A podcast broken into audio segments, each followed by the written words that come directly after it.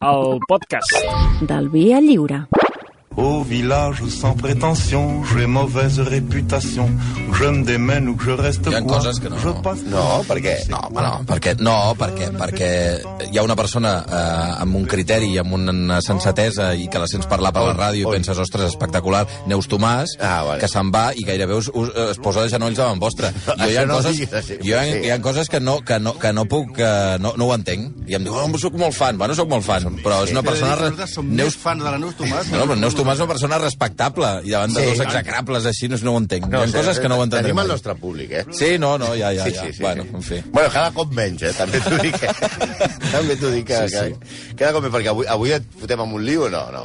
Jo crec que sí. Sí, no? Sí, sí, per què- per què no dir-ho? O un Sí. altre, un altre. Una- un altre sí, ja és una Pensem mica- que nosaltres, dintre del nostre argumentari, ja vam pensar que per nacionalitats l'únic argentí que no tocaríem mai és Messi. Val, fàcil, sembla fa, fàcil que faci. Això em sembla sí, bé. o sigui, ja pot, pot estar involucrat a la matança dels Hutus i els Tutsis, que a nosaltres ens semblarà bé. Sí, sí no, estàs bé? Per tant, avui és un argentí. És argentí, sí, sí, sí, Ai. home. És un, un, de, un dels éssers humans, eh, ara que parlem tant de populismes i tal, polarització... Que, per cert, una cosa, eh, en aquestes tertúlies que tens amb gent tan interessant com la Mila, la Neus, la Manchón i tot Sí, sí, sí, aquest, sí. sí, O sigui, comença a dir-los ja que prou de polarització, enxamplar base, relat, i una altra cosa, ho de, ho de, la, ho de la puta marmota. Què? No t'agrada? Estan a 45 graus sota zero a, a, a Chicago. posa'm, posa'm la... A veure, anem a No, buscar a veure no, si la no trobem. puc sentir home, la ma- la- la cançoneta un altre Ara cop. sí que la tornarem a posar avui. No, a veure, però- a veure si la trobem. Ja la trobarem, eh, després, però No, bueno. és sí. que, clar, l'estàs fotent un altre canvi del pobre Sí, Dani. sí, sí, pobre Dani. Ja. Què, Però, estàs clar, fart de la marmota? Abans Home, que la marmota deu estar farta de la gent, perquè estan a 45 graus sota zero i li estan preguntant si l'hivern se'n va. I si la veu- marmota i si veu l'ombra. Tu puta madre, que salgas tu. ¿Cómo voy a salir? Si se li generaran la, la, les tetes a la marmota. Quines tetes? Què parles? Com que no té Pobre tetes, la marmota, marmota? Phil. És... Ah, no, Mira, ara, doncs ara, el sol. ara, ara, Bill Murray. Aquell despertador. No, per favor, o sigui, prou, prou, prou de la candelera, de la marmota i tot això, d'enxamplar la base i tot això. Però bueno, anem a, anem a lo nostre, no? Anem, anem, anem. Perquè el nostre home sí que va eixamplar la base, o Toe va eixamplar la base, vols? Ai, ai. perquè era populista abs- ah. totalment. I va fer un relat més fals que OK Diario. El nostre home és adorat com si es tractés del, del, del, del, de l'encarregat d'una religió, o sigui, com un déu, diguem-ne. O sigui, milions de persones el veneren, i qualsevol crítica contra ell deslliga un huracà d'ira, perquè avui, viste, li arrencarem la gorra de general a un home que va ser un abusador de, jove, de jovenetes, un genocida de tribus indígenes, antidemòcrata, censor, enemic de la pluralitat política, dirigent autoritari, repressor, megalòman, torturador, mentider i filonazi. Que el filonazi, podíem treure el filo de davant. Avui, que cremi la centraleta i li donem la seva pròpia fusta a Juan Domingo Perón, més conegut com Ai, ai, Perón, ai. i el marit d'Eva Perón. Això sí. Perón, Perón Pompero. Hòstia, mira, Aquesta perdona. és una genialitat. Jo he vist Perón per aquí i he pensat, bueno, faran allò de Don't Cry for Me Argentina o No, alguna no. cosa així, no? El Perón Perón Pompero. Pompero. El Perón Bueno, Pompero. Doncs au. Ja, ja, ja, Ja sabem està. que és una broma patillera. No, no, és genial, perdona. Terrible. Eh, I Esteve, i la, la, Catalunya de saber que això s'ha t'ha acudit a tu. És impressionant. tu. Però després Com es pot suportar durant tantes temporades, això? És que no ho entenc. Hòstia, Perón Pompero em sembla una genialitat. Després de tanta serietat, tanta música de western la setmana passada, hem decidit baixar el llistó i acostar-nos al nostre propi nivell musical. Sí, que que és sí. millor que el Pe- Perón Pompero. Ah, molt bé, vinga. Per començar, Juan Domingo va néixer un dijous. I? Ah, bueno, que si dius Juan Domingo, que collons vas Ai, dir? mira, escolta. Va, és només una Si aquest és dir-ho. l'argumentari, ja, ja, ja podíem anar acabant. Volíem dir-ho. Aquest cop ens, ens saltarem la, la infància i ja estem amb un Perón que és militar. Ja. A l'any 43, 1943, a l'Argentina hi ha un cop militar. Que però un raro. cop d'estat sí, el, cop, el cop militar de cada 15 dies. Que Sí, havia. però vull dir, no és d'aquests postmoderns, eh? Un cop militar ja, Ja. vull dir, amb senyors, amb pistoles, eh? I com veurem, D'aquests que s'indulten després. i com veurem en tot el que té a veure amb Juan Domingo, uns diuen que va ser molt actiu amb el cop i altres que gairebé passava per allà tot despistat, que és la millor manera de donar cop Sí, tenim el dubte de si saber que era, si era actiu o passiu, Perón. Eh? Va, sí, si va estar actiu al cop I al o va cop, ser... més o- o s'ho va veure passant. A veure, passava per allà, però a veure, si tu estàs... A veure, hi ha un cop d'estat, allò, i diuen... No, és que jo no tenia res a veure com d'estat, però al cap de tres dies et fan jefe del Departamento Nacional de Trabajo, que diguem-ne, que no és un càrrec molt adient per un militar, pues tampoc sembla que no pintessis res, no? El Departament de Trabajo era a tots els efectes un ministeri, o sigui que l'havien posat al gabinet, i depenia directament del president. La seva eh, funció consistia en centralitzar tota l'acció social de l'Estat. Aquí és on ve la, la, el peronisme, eh, que és, que és aquesta... Els seus, els seus seguidors diuen no, és que va millorar molt les condicions eh, laborals de tots els argentins, va estar al costat dels sindicats... Bueno, això ja ho veurem després, que és una gran camama, no? Sí, perquè la seva feina màxima fins aleshores era escriure, era professor de l'Acadèmia Militar Argentina. Sí. I escrivia tractats militars. Tractats militars sobre la importància de l'esport a l'exèrcit i també un tractat militar sobre la higiene a la- a l'exèrcit. Ah, sí? Sí, que imagino que això no està malament. Per ser, o sigui, el manual de la higiene deu ser si t'has de rentar les mans abans o després de torturar algú. O bé, eh, quan, quan feu una batalla, deixeu-ho tot recollidet, no, que no quedi com a les manifestacions aquestes d'aquí. No, mira, acabem de fer una batalla i no ha quedat ni un paper al Re, terra. re. No hem trencat ni un vidre. No hem trencat ni un vidre. Tot recollit. Un, un any després, juntament amb el seu amigote, el de Miro Farrell, que no és el de Happy, ta, ta, ta, que no és... Ai, per favor. Exacte. Va, va. La teva, la, teva, la teva interpretació de Happy... Sí, ha estat, ha estat, ha estat de les pitjors coses que he hagut de patir a una ràdio. pelo en pomper. Va. Eh, es reparteixen, en, en, ell i el seu amic, es reparteixen el poder i Perón es queda amb el Ministeri de Guerra. És a dir, és és molt gran tenir vicepresident... un ministeri de guerra. Sí. Bueno, molt gran. Molt No. gran o, o no. Jo crec que encara hauria d'existir el Ministeri de la Guerra. Bueno, és veritat que li diuen de defensa i al final és bastant de guerra. de guerra, però bueno, sí. en fi. És a dir, és vicepresident, ministre de Guerra i secretari de Treball. Sí. I aquí comencem com La guerra els, dona feina a molta gent. Això sí. té, té, té, té certa lògica. Això sí. I aquí comencem com amb els maleïts pantans d'en Franco, Què? que s'hi va fer moltes coses bones, que, o sé, que és veritat, va millorar les condicions dels treballadors, que llavors eren gairebé feudals, eh, van posar un sistema de pensió, i ell es va acollir a un laboralisme nacionalista, que de seguida es va canviar de nom i es va dir peronisme. Per què dissimular? Penseu que si arriba a dir dominguismo, no pagava això amb la idea del treball. És que estic fascinat per un... És que la gent que es diu Domingo m'encanta. Però per què? Què, què té a Perquè veure? et diguis Domingo és que, és que ja, la teva vida està marcada per la felicitat. Vull dir, com et dius Domingo? Bueno, perdona, Bon rotllo, bon que... rotllo. bueno, Menys tu, que Perquè- treballes perquè tu- sempre. tu li Tu també treballes en diumenge. Sí, però, però la gent... Però ja és diferent, sí, ja. Perquè tu li, a, a, a, a la gent diu, joder, però domingo o martes? No, martes no... No, no, dona, no, dona, no dona rotllo. En canvi, dir-te domingo, collons, hòstia, puta mare. Bueno, en fi. Però, eh, es deia domingo i va néixer en dijous, Sí. no, el que no era era, era ximple, era no Mediamarkt, jo no soy tonto. Sí. I aleshores, ell, per exemple, per, perquè veieu la seva visió estratègica geopolítica, ell quan estava ja al poder i era ministre de la guerra, va decidir, què collons faig? Li planto... Era la Segona Guerra Mundial, a Europa. Mm Mhm. Argentina va, va, va lliurar-se'n de tot això. Bastant, bastant lliurar-se, encara que van haver-hi algunes coses de destructors al Riu de la Plata. I ell diu, pues, li plantaré cara a l'Alemanya nazi i als japonesos. I en quin any ho decideix això?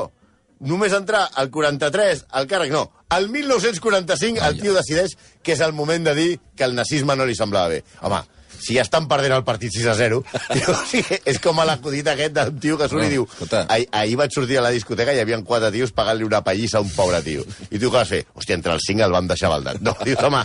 És aquí distància fins que ja no cal. Fins que ja no, cal, no? Vull dir que... O sigui, o sigui a, la, a la Segona Guerra Mundial, perquè ho entenguin els de l'ESO, ja posava game over. Sí, no... Però quina és la relació de Perón amb els nazis? Doncs a part d'aquesta presa de pèl, tot indica, i ara ho explicarem, que a Perón li agradaven més els nazis que el Malcolm el Tequila. No, va, pot ser això. Home!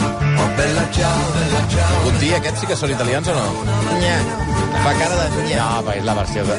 Sí, sí, pot ser que sí. És que abans a, a la tertúlia de patates hem punxat una que era... M'ha dit, aquest tio és... és, uh, és uh, De Burgos. o alemany o... Sí, exacte, però Però- un accent italià horrible. Però, Dani, i el mestissatge, on està? Sí. no hi ha zones... No, no, És no una hi ha apropiació- zones- és una perdona, hi ha apropiació zones cultural. D'Itàlia, a prop de Suïssa, que, que tenen un accent alemany, hosti. A veure si era d'allà. Home, Clar, els Alps. Rummenigge parlava italià amb un accent alemany quan jugava a l'Inter, que no vegi. Bueno, què, què li passa? Bueno, que, amb, el que de veritat, amb el Bela Ciao. el que de veritat li agradava al, al, a Perón Sí. era Mussolini. Ai. Ja sé que aquesta cançó, aquesta Que no és un postre. no és feixista, és antifeixista, Correcte. però no volien posar una cançó feixista. Va, això està bé. Eh, I com, Eh, tot, allò, però, això. però, ja, el, que, el que vulguem, no? com tots els farsans que van el que va fer Però no li diguis va- farsant. ja. Bueno, Clar, va, digues, digues. farsant. Farsant, farsant Mussolini i farsant Perón. Ah, val. va anar variant la seva biografia i va anar canviant les versions. Però el que li va dir als periodistes de Madrid va ser no me hubiera perdonado, nun- perdonado nunca llegar a viejo, el haber estado en Italia y no haber conocido a un hombre tan grande como Mussolini. Me hizo la impresión de un coloso cuando me recibió en el Palacio Venecia.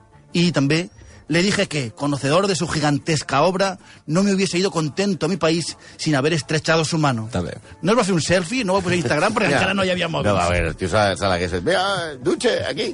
No, però quan Mussolini... Duche aquí. O sigui, és, Duce. tre és tremendo. Duce, ríete. Bueno, Que com començava... que feia això la higiene... Sí. Una foto, Duche. Duce, Duce, Petacci, aparta. No te cuelguen de la gasolinera. Bueno, Va. vamos, quan Mussolini Ui, començava ja el seu declivi, a, a l'Argentina de tornada va dir al seu biògraf de cambra que no ben bé aqu aqu aqu aquest, aquesta trobada al Palazzo Venècia no va ser tan, tan gran. El va veure de lluny i ja es va emocionar amb el seu atac, amb un d'aquestes eh, discursos que feia Mussolini, que va atacar, segons va dir eh, Perón, a les plutocrat, plutocràcies reaccionàries i les democràcies. Sí, és a dir, que no, que és a dir, que emulava molt el feixisme, vamos. De Mussolini va copiar moltes coses, com el gust per les dones, el populisme i la capacitat interpretativa. El culte a la personalitat ja el tenia de, de, de, de marca, perquè l'havien dibuixat així. Però li van, captar, li van cantar això de la, fi, de la figura del capdill, i això que l'organització obrera, que havia estat al servei de l'Estat sense vagues, eh, aquests obrers, tots, tots allò posant-se a fer demostracions, tots allò fent gimnàstica, allò que feia Ara, Mussolini, que després va copiar Franco, això a, a Perón Li molava. li va, encan li va encantar, li va encantar. I van tenir com, com una mena d'història d'amor a, a, com la que té el, el Marcel Pellejero amb l'Aurorita, la nostra community Sí. manager. Que, que s'està- que- oient del- del que és l'única que- sí. persona del món que és més, és més fan de la nostra community manager que de nosaltres. Sí, sí, cosa sí, que sí. no podem entendre. Bueno, escolta'm, ja s'ho faran, vull dir, ja quedaran un dia i ja que ho arreglin ells. Sí, sí. Aquest sindicat de broma i els drets dels treballadors, que, que es deia Carta del Laboro, així com el combat eh, eh, contra els comunistes, ell ho va portar d'Itàlia. Però també va portar molts nazis. Sí. Alguns si tu molt l'has comprat, famosos. tu vas a Andorra i compres sucre i mantega. Sí. Tu vas a Itàlia, a Alemanya, què vas? Em portes nazis. Es van portar nazis cap a l'Argentina. però molt famosos alguns. Però no va ser una cosa casual que digui, eh, mira, aquest que ha vingut aquí. En el, un Estava d'oferta. un llibre d'Ukigoni, que es diu L'autèntica Odessa, la fuga nazi a l'Argentina de Perón, es documenta com un ex-CSS va pactar amb Perón la llarga llista de, entre cometes, refugiat. Està tot molt documentat, els viatges, els permisos, etc. Ja venia de lluny. La, la, la, abans d'això, l'alemany més important de l'Argentina es deia Ludwig eh, Freude. Estats Units va demanar l'extradició per nazi, però Perón, Perón el va protegir. Fins i tot va fer que el seu fill, Freud Jr., es convertís en el seu secretari personal. Sí, sí, el fet del desplaçament de nazis cap a Argentina Sí. estava pactat amb, Tot, tot. amb el govern Sí, peronista. Tota, eh? tota aquesta història que va explicar Força i Taudesa i tot això, doncs, era, realment no és una novel·la. O sigui, ell, ell va muntar a la- l'Argentina com una llar Sant Jordi, d'aquesta de jubilats que tenien abans, però pels nazis, no? Va acollir a centenars, però alguns ni més ni menys que el tenebrós professor Joseph Mengele, el Adolf? Eichmann, el de la solució Sí, home, final, sí. Que no és, la solució final pels de l'ESO, no és un videojoc No. ni, ni el bar quan decideix. És l'holocàst de, de, del poble jueu. Eh, L'assassí de les SS, Eric Prickbe, per entendre'ns, eren la, les trillizes superdolentes del Tercer Reich.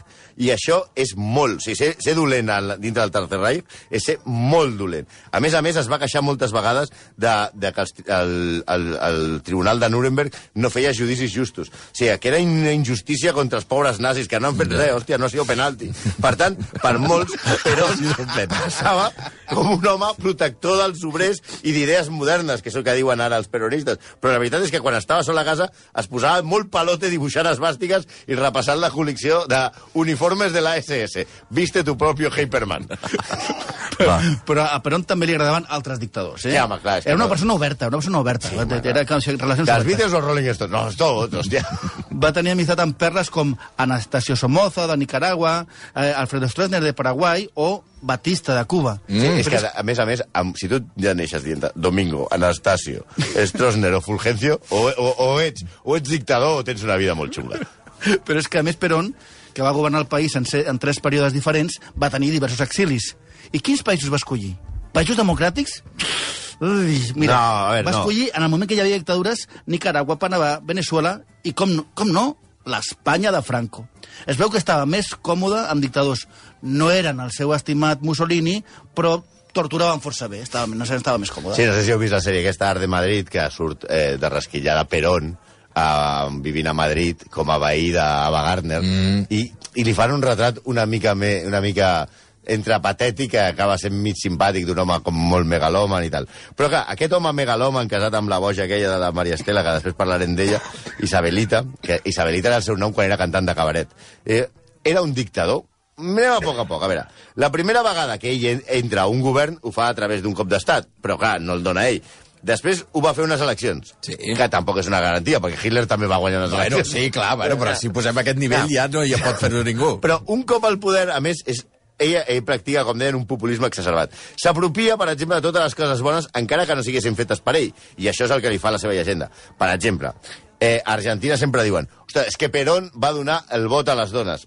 Mm, la, les biografies, a més, expliquen que va ser Evita, que quan es va casar amb ell, Eva Perón, que era una actriu també i cantant, que, va, que era, estava molt implicada en moviments socials, que li va dir, no, que les mujeres tienen que votar. Això no és cert, és un fake news. Des del 1927 a Argentina existia el vot femení en algunes zones. Hi havia una gran pressió de, de moviments socialistes, que al final es va estendre per tot el país.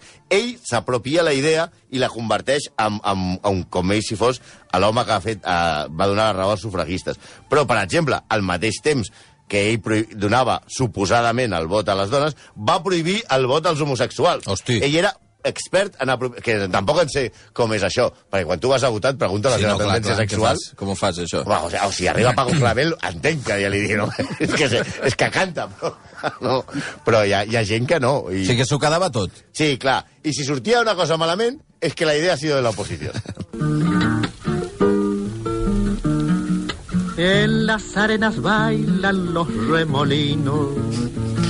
El sol A juega més, en el... a més, era un repressor dels mitjans de comunicació, no tolerava cap mitjà dissident, però fins i tot, en pla Stalin, censurava i fins i tot torturava artistes sospitosos de ser comunistes.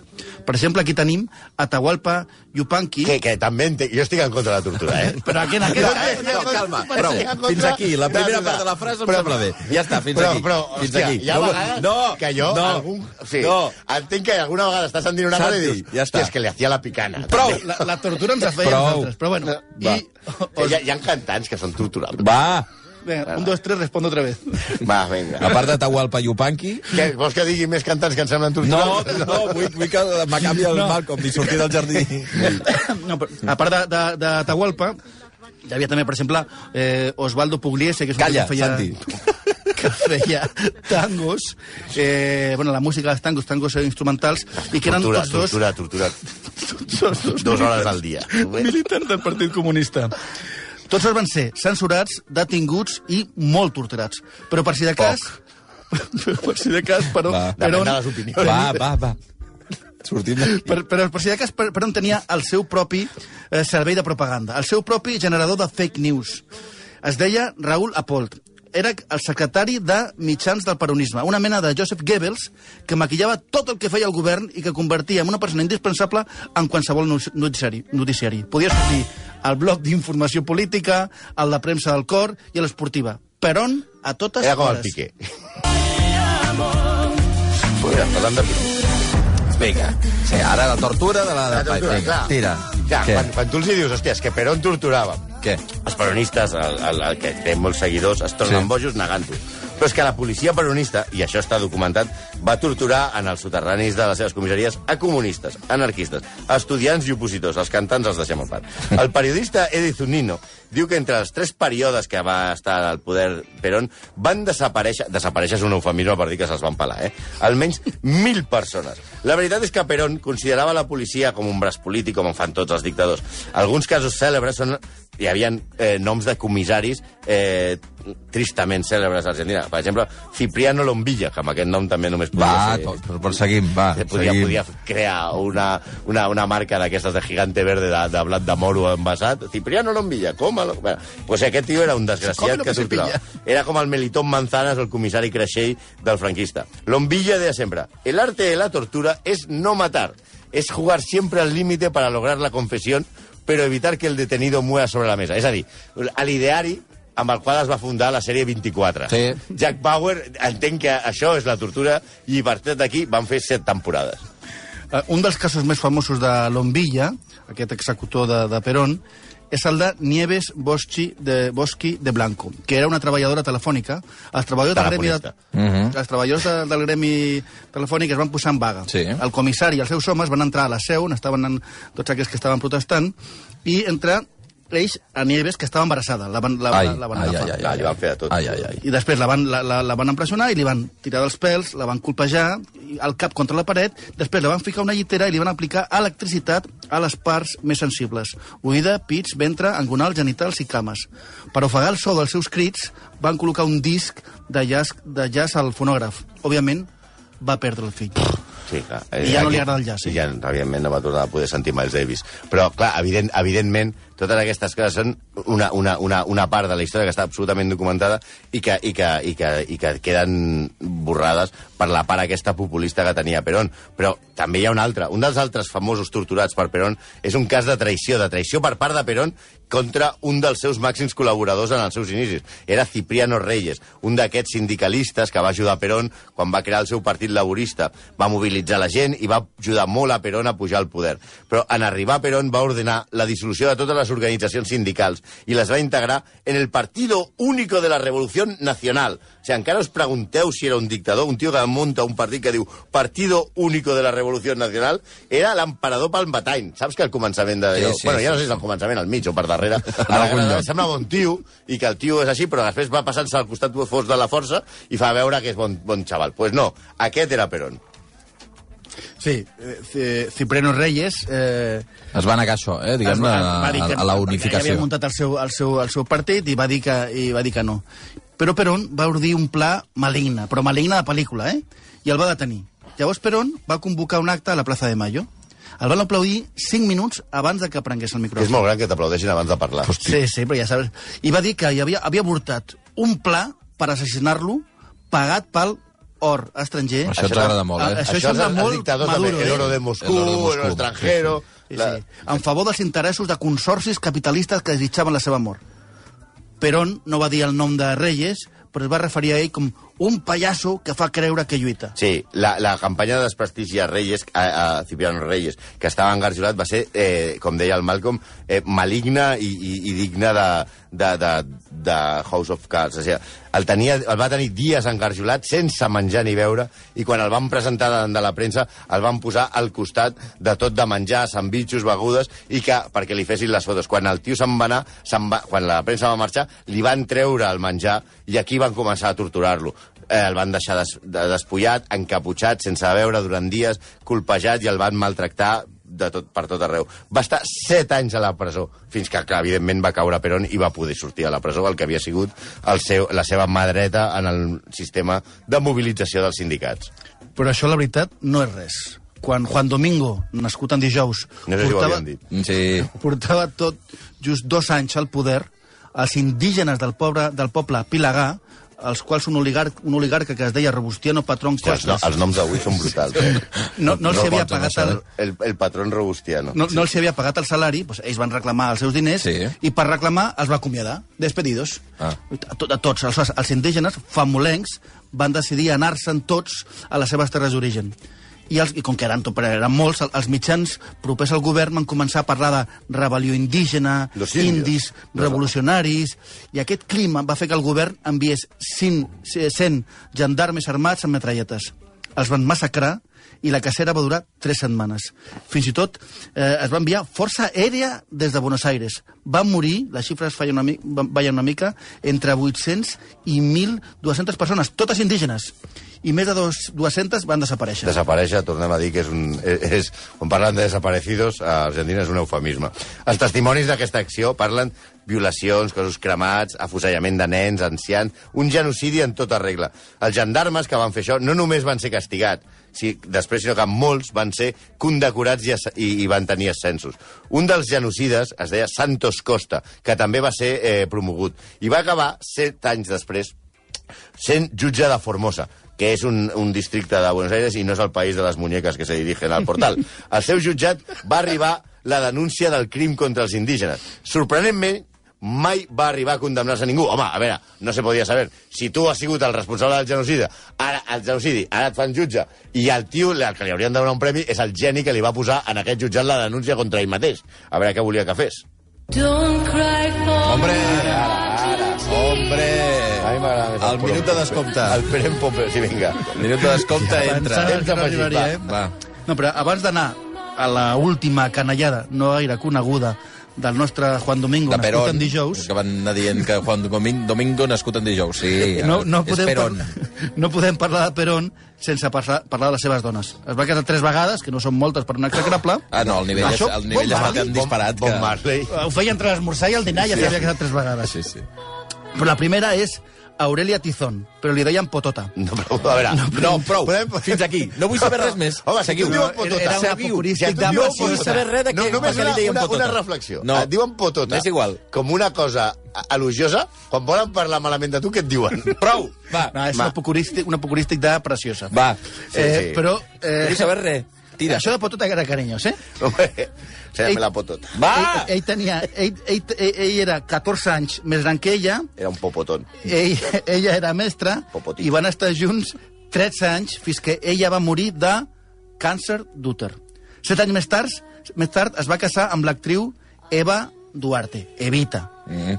Ell li treu 24 anys i estan junts 7 anys fins que ella ha mort també de càncer d'úter. Aquest tio propagava el càncer, però més que el va, tabac, eh? ella es va, com sabeu, involucrar molt en, en política i la seva mort prematura la va convertir en un mite bestial argentí. Sí, la necrofília, la necrofília argentina amb, amb Eva Perón va ser tremenda. La seva vetlla va durar nou dies. Van haver-hi fins i tot dos milions de persones al seu funeral al carrer. Això es pot mirar i podeu veure les imatges. Va ser, sí, i, i són dos milions de persones que coincideixen la Guàrdia Urbana i els organitzadors. Eh? Vull dir, la cosa és que es va convertir en una figura gairebé, la van elevar als altars, gairebé santa pels peronistes. En caure Perón el 1955, eh, a la, quan parlaven d'això de la necrofília i del, de la devoció per, per Evita, van robar el seu cadàver, es van orinar en el cos. Després va estar mesos amb una furgoneta, evidentment eh, morta, eh?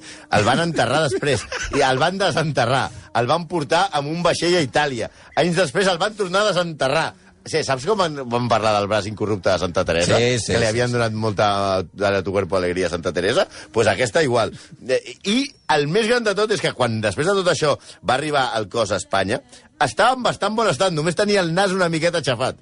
I li havien tallat un dit perquè era el típic record aquell que dius... "Ostres, en- ma- I, i, talla van, i, van, I van intentar, allò, no subestar-lo a eBay, però sí fer un, pagar un rescat, com, a, com, a, com el braç de, de Santa Teresa. Després va tornar a l'Argentina i al final li van donar a la família Duarte. Va estar més de 20 anys donant voltes pel món. Ella no es va assentar perquè estava morta, No clar. es va assabentar, no.